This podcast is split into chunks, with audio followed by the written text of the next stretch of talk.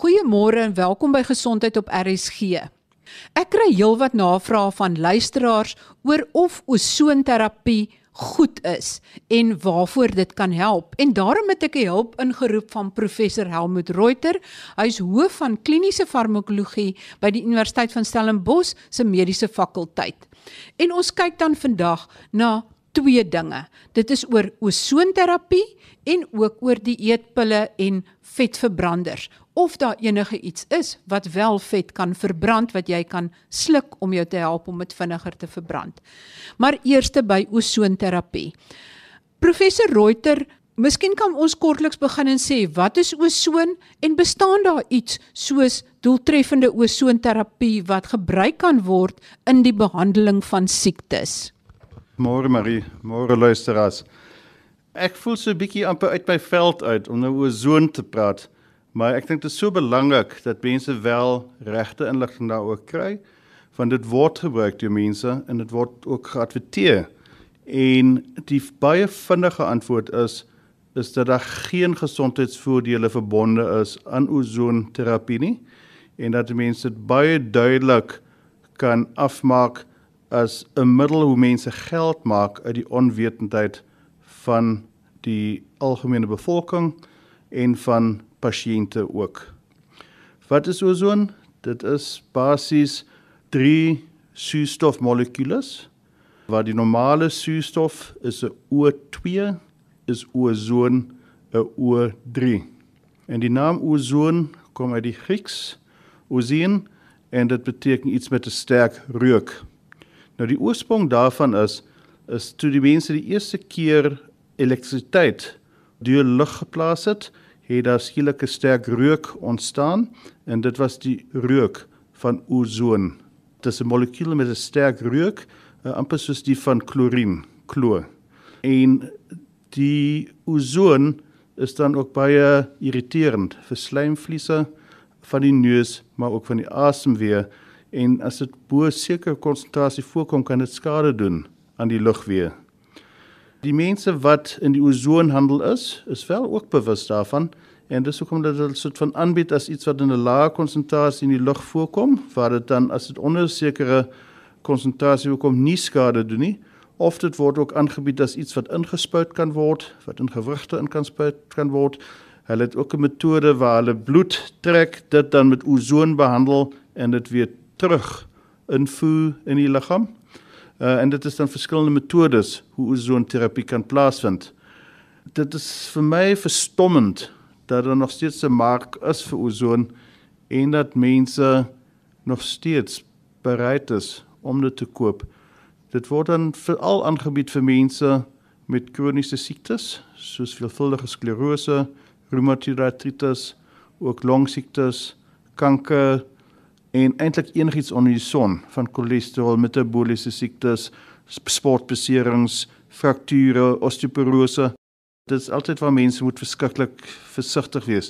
As iets aangebied word wat omtrent alles kan help, dan is die waarskynlikheid baie groot dat dit vir niks van bo-genoemde gaan help nie. Ozon is in Amerika verbied deur die FDA, dis die Food and Drug Administration wat soort van daaroor moet waak dat mense nie toksiese substansies inneem nie of ook voedingsstowwe of in hierdie geval gasse nie. En hulle verbied enige instrumente, apparate, masjiene wat sogenaamde ozon vervaardig of wat dit dan aan mense beskikbaar stel en hulle verbied ook die advertering van sulke ozon bevorderende masjiene. Nou mense word baie emosioneel oor die onderwerp omdat hulle geskiedenis kan gee van hoe hulle self verbetering ervaar het met so 'n masjien of hulle weet van familielede wat verbeter het daarop en wat nie neeweffekte gehad het nie en wat nie skade gelei het nie. En die verduideliking daarvoor moet wees in die sogenaamde placebo-effek. Want daar is geen fisiologiese of mediese of farmakologiese rede om te vermoed dat ozon 'n voordelige effek sou hê nie. En so as mense wel ervaar dat hulle nadat hulle met ozonterapie begin het verbeter het, dan val dit dan gewoonlik in die ryk van die placebo-effek. Die placebo-effek is 'n belangrike element van behandeling. Dit is 'n belangrike element van verbetering. Uh, ons sien dit in middelproewe, byvoorbeeld in artritis, die veld waarin ek nou hoofsaaklik middelproewe gedoen het, dat ten minste 15% van mense op placebo kan aanvanklik verbeter. En die rede is vir dit is dat hulle verwagting het dat hulle verbeter, hulle kry miskien beter sorg en dat dit wel 'n invloed het op hoe die brein funksioneer, hoe die neuroendokrien immunologiese as uh, die neurotransmitter substansie in interaksie met die immunologiese uh, selle en die produkte van die immunologiese selle 'n positiewe invloed het op die gesondheidsbeeld. Die probleem van dit is dat dit gewoonlik gepaard gaan met baie groot onkoste vir persone wat dan 'n advertensie gehoor het of dis direk aan hulle aangebied en hulle glo nou dat hulle die klomp geld moet uitgee om hierdie gesondheidsvoordeel te kry wat niks is as 'n foefie en 'n placebo effek nie. So dit is 'n tipiese beeld van wat ons in Engels ook quackery noem. Dit is 'n soort van kwaksalwers. Dit, dit klink asof dit 'n wonderlike ding is. Uh, dit word so aangebied asof skielik hierdie O3 'n hoë vlak suurstof op mitokondriale vlak kan gee en dat die selle meer aktief word en dit word selfs voorgegee dat dit bloedvloei kan verbeter en immuunselle word meer, die witbloedselle word meer en dit klink so fantasties, maar ek kan nie heeltemal met sekerheid sê dat daar nie wetenskaplike bewyse vir dit is nie. Ek kan nie sê dit is nie so nie, maar ek kan sê dat daar nie wetenskaplike bewyse is nie en dat soos ek die liggaam die fisiologie verstaan, kan ek ook nie sien hoe so 'n super suurstof wat baie sterk oksidant is, enige van daai effekte sou bewerkstellig nie.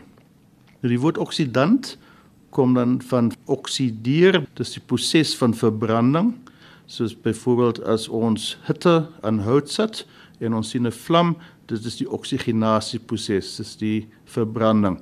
Nou dit is wat in selle ook plaasvind, is energie word vrygestel deur 'n proses van oksidasie.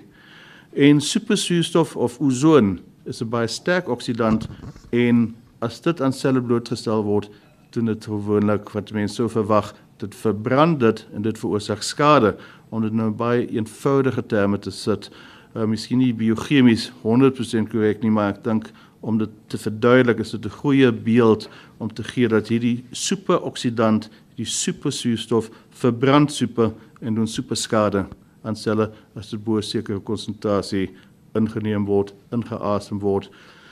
En dan is daar natuurlik ook die probleem van as bloed eers onttrek word, dan gemeng word, dan weer ingespuit word, is daar 'n reuse probleem van moontlike infeksiegevaar en dan ook dat die dat die bloedselle inderdaad skade kan lei.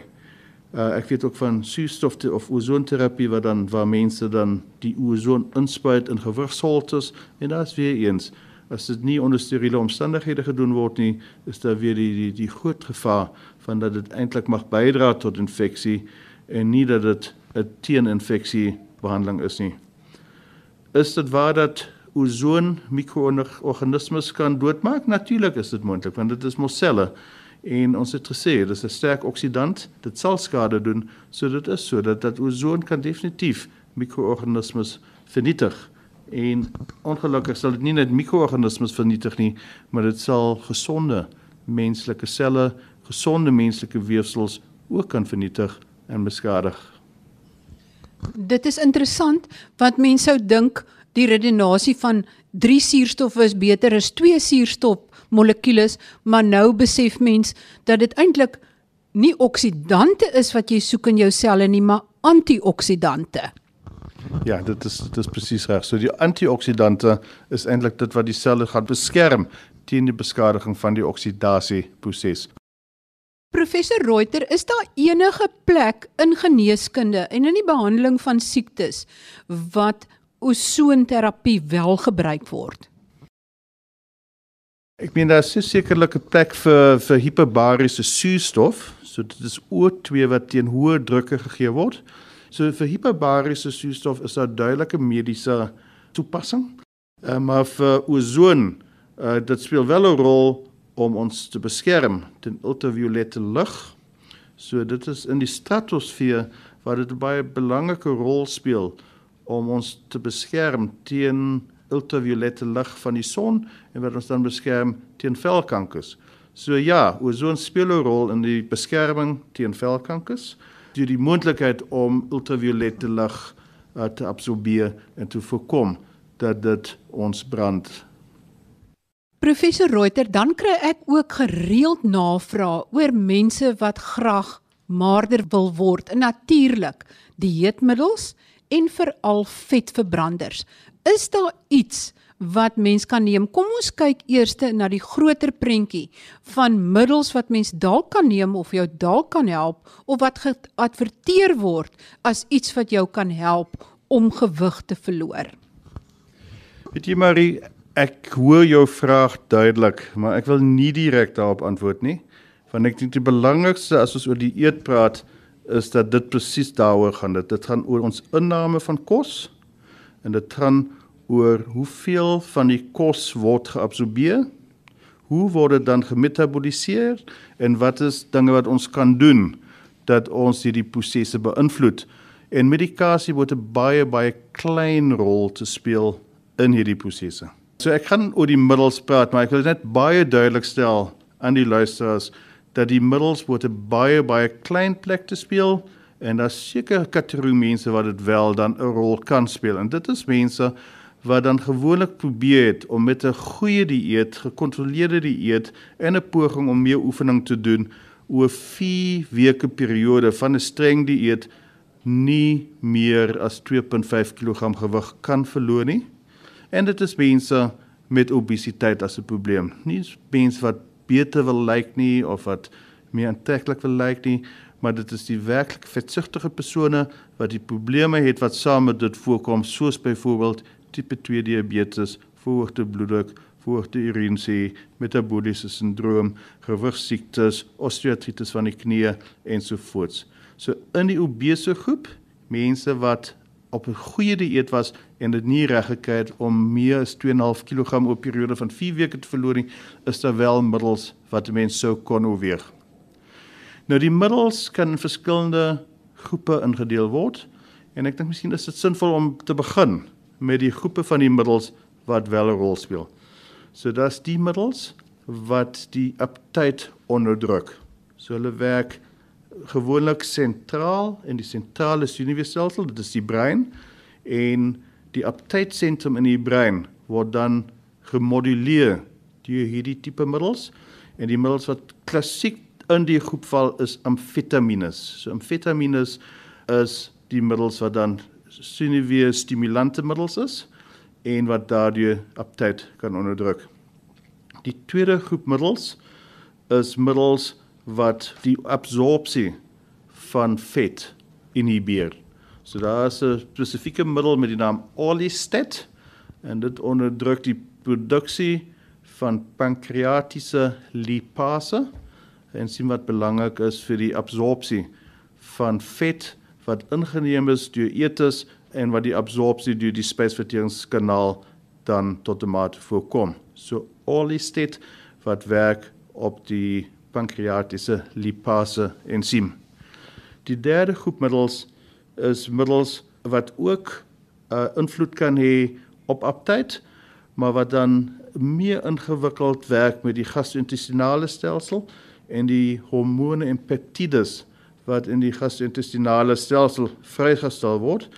En die bekendste van die middels is 'n middel met die naam Rimonabant en dit werk op die endokannabinoïde stelsel. Dat die cannabinoïde stelsel, mense sal nou verstaan dit is saam met cannabis, dagga wat natuurlik ook baie bespreek word. En in die die die hele idee van die endokannabinoïde stelsel dat dit 'n effek kan hê op aptyt is eintlik kom van die waarneming dat mense wat wat dagga rokers is of cannabis rokers dat hulle honger voel, die sogenaamde the munchies wat cannabisrokers dan ervaar. Die endokannabinoïde stelsel het 'n invloed op aptyt. Die vierde groep middels wat 'n mens kan noem is dan die wat dan werklik die metabolisme kan beïnvloed. Uh die bekendste van die middels wat hier gebruik word of gebruik is in die verlede ook is dan tiroïdhormoon of L-troxin wat T4 is of T-troxin wat T3 is. Uh en dit is in mense wat 'n normale skildklierfunksie het as hulle verhoogde vlakke van tiroxin, tiroïdhormoon inneem, dan kan dit wel die metabolisme aanwakker en dit kan dan lei tot osteoporose, spierverlies, maar ook vetverlies. En dan is daar middels wat verder gebruik word en veral wat in die kort termyn baie suksesvol kan wees om gewig te verloor en dit is ontwateringsmiddels, diuretika.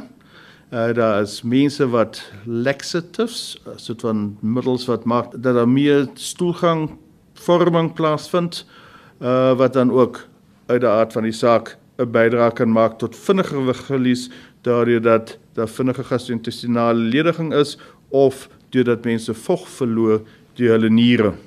Daar is een of twee ander middels wat ook nog gebruik kan word om gewig te verloor. Uh die een is 'n middel wat gebruik word vir die behandeling van suikersiekte, diabetes.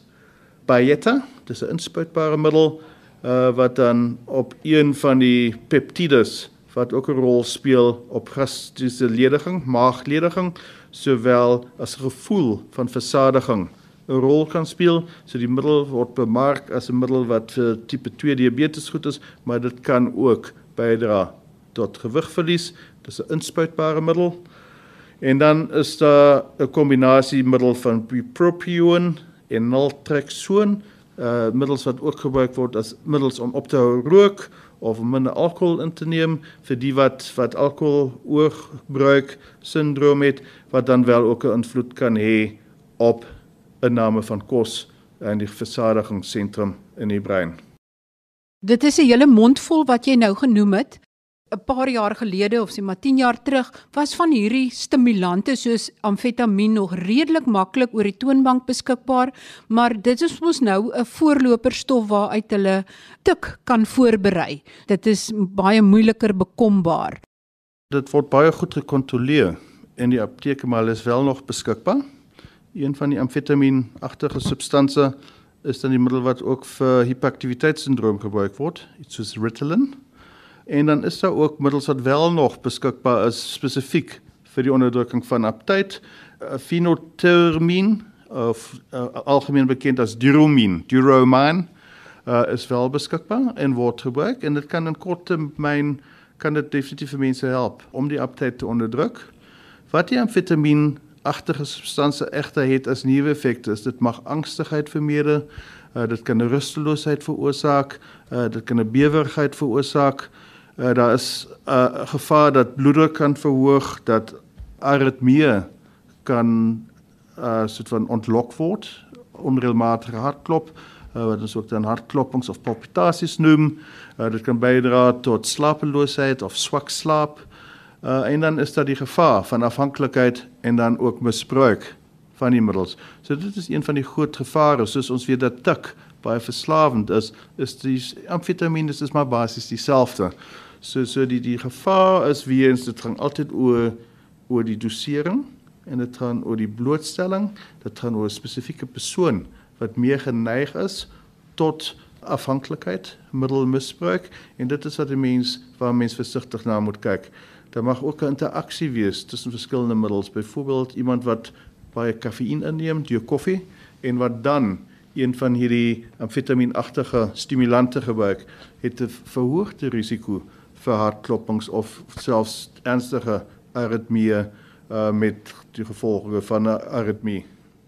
En die ander middels, byvoorbeeld Orlistat kan vir jou 'n uh, slegte diarree gee. Um die tiroksienmiddels uh, dit is seker ook nie aangewese om jou vlakke van uh, tiroksien te hoog te maak nie. Ja, kyk, olistat is basies dit veroorsaak 'n uh, uh, wanabsorpsie. Dit beteken die vet word nie geabsorbeer uit die darmkanaal nie.